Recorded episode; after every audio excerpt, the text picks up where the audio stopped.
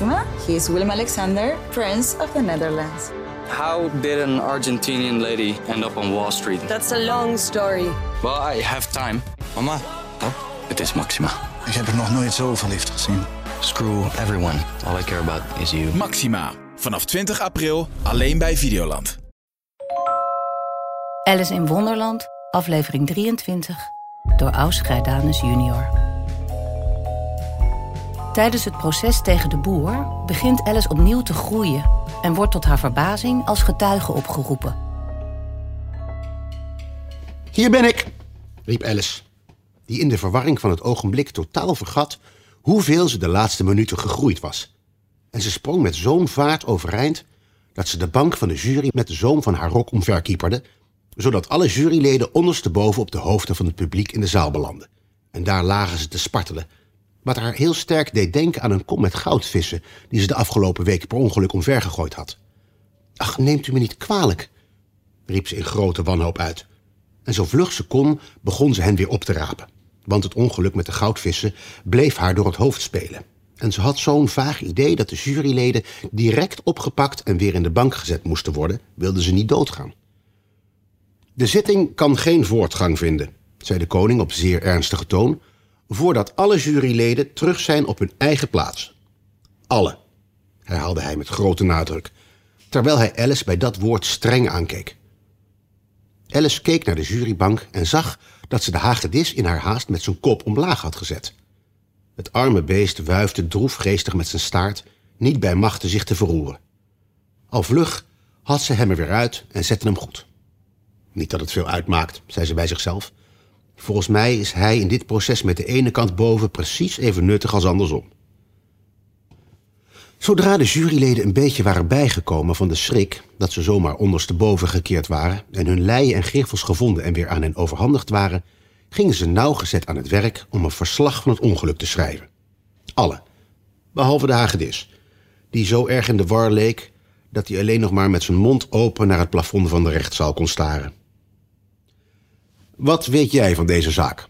zei de koning tegen Alice. Niets, zei Alice. Hoegenaamd niets, drong de koning aan. Hoegenaamd niets, zei Alice. Dit is zeer belangrijk, zei de koning zich tot de jury wendend.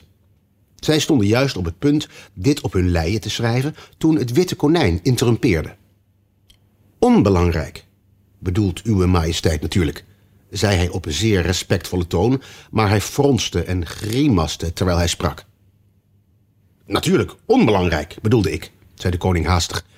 En op gedempte toon vervolgde hij in zichzelf: belangrijk, onbelangrijk, onbelangrijk, belangrijk. Alsof hij naging welk woord het beste klonk. Sommige leden noteerden belangrijk en andere onbelangrijk. Dit kon Alice zien doordat ze zo dichtbij was en dat ze op hun leien kon kijken. Maar het doet er niets toe, dacht ze bij zichzelf. Op dat moment riep de koning, die een tijd lang druk in zijn notitieboek had geschreven, luid: Stilte! En las voor uit zijn boek. Artikel 42. Alle personen langer dan één kilometer dienen de rechtszaal te verlaten. Iedereen keek naar Alice. Ik ben geen kilometer lang, zei Alice. Jawel, zei de koning. Bijna twee kilometer lang, voegde de koningin eraan toe. Nou, ik ga toch niet, zei Alice. Trouwens, dat is geen gewoon artikel, u heeft het net verzonnen. Het is het oudste artikel in het wetboek, zei de koning. Dan zou het artikel 1 moeten zijn, zei Alice. De koning verbleekte en sloot zijn notitieboek haastig. Beraad u op uw oordeel, zei hij met lage, trillende stem tot de jury. Met uw welnemen, er komt nog meer bewijsmateriaal, majesteit, zei het witte konijn, dat in grote haast opsprong. Dit document is net gevonden. Wat staat erin? zei de koningin. "Eh, Ik heb het nog niet opengemaakt, zei het witte konijn, maar het lijkt een brief te zijn, geschreven door een gevangene aan. aan iemand. Dat moet wel, zei de koning, tenzij het een brief aan niemand is, wat niet gebruikelijk is, zoals u weet. Aan wie is hij gericht? zei een van de juryleden. Hij is helemaal niet gericht, zei het witte konijn. In feite staat er aan de buitenkant niets op. Al sprekend ontvouwde hij het papier en voegde aan toe. "Hmm, Het is toch geen brief, het zijn een paar verzen. Zijn ze in het handschrift van de gevangene? vroeg een ander jurylid. Nee, zei het witte konijn, en dat is toch wel heel eigenaardig. De gezichten van de juryleden drukten onbegrip uit. Hij heeft vast het handschrift van iemand anders nagebootst, zei de koning. De gezichten van de juryleden klaarden weer op. Met uw welnemen, majesteit, zei de boer. Ik heb hem niet geschreven en ze kunnen niet bewijzen van wel. Aan het eind ontbreekt de ondertekening. Als jij niet ondertekend hebt, zei de koning, maakt dat de zaak alleen maar erger. Dus heb je kwaad in de zin gehad, anders had je wel ondertekend als een fatsoenlijk mens. Deze woorden kregen een warm applaus. Het was de eerste echte intelligente opmerking die de koning deze dag had gemaakt. Hiermee is zijn schuld bewezen, zei de koningin. Hiermee is helemaal niets bewezen, zei Alice. Nota bene, u weet niet eens waar de verzen over gaan. Lees voor, zei de koning. Het witte konijn zette zijn bril op. Met uw welnemen, waar moet ik beginnen, majesteit? Begin bij het begin, zei de koning plechtig, en ga door tot je bij het eind bent. Houd dan op.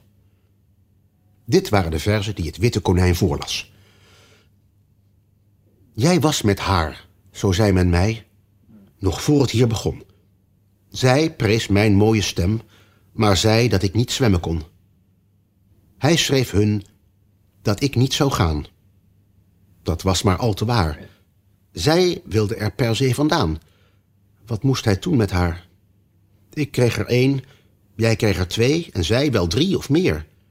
Geheel vergeefs, naar mijn idee. Tot u keerde ze weer. Als zij of ik toevallig zijn gemoeid in deze zaak, dan ligt hier voor zijn meesterbrein voorwaar een schone taak. Vraag je het mij, dan speelde men, voor zij het hoofd verloor, haar uit tussen jou, mij en hen. Zij leende zich daarvoor. Vertel hem nooit dat zij het meest aan hen heeft toebehoord. Verzoek aan ieder die dit leest, vergeet het, woord voor woord. De volgende aflevering wordt gelezen door Wende Snijders. Alice in Wonderland is een podcast van Internationaal Theater Amsterdam, Het Parool en Stepping Stone Producties. Vertaling Nicolaas Matsier, uitgeverij Meulenhof Boekerij.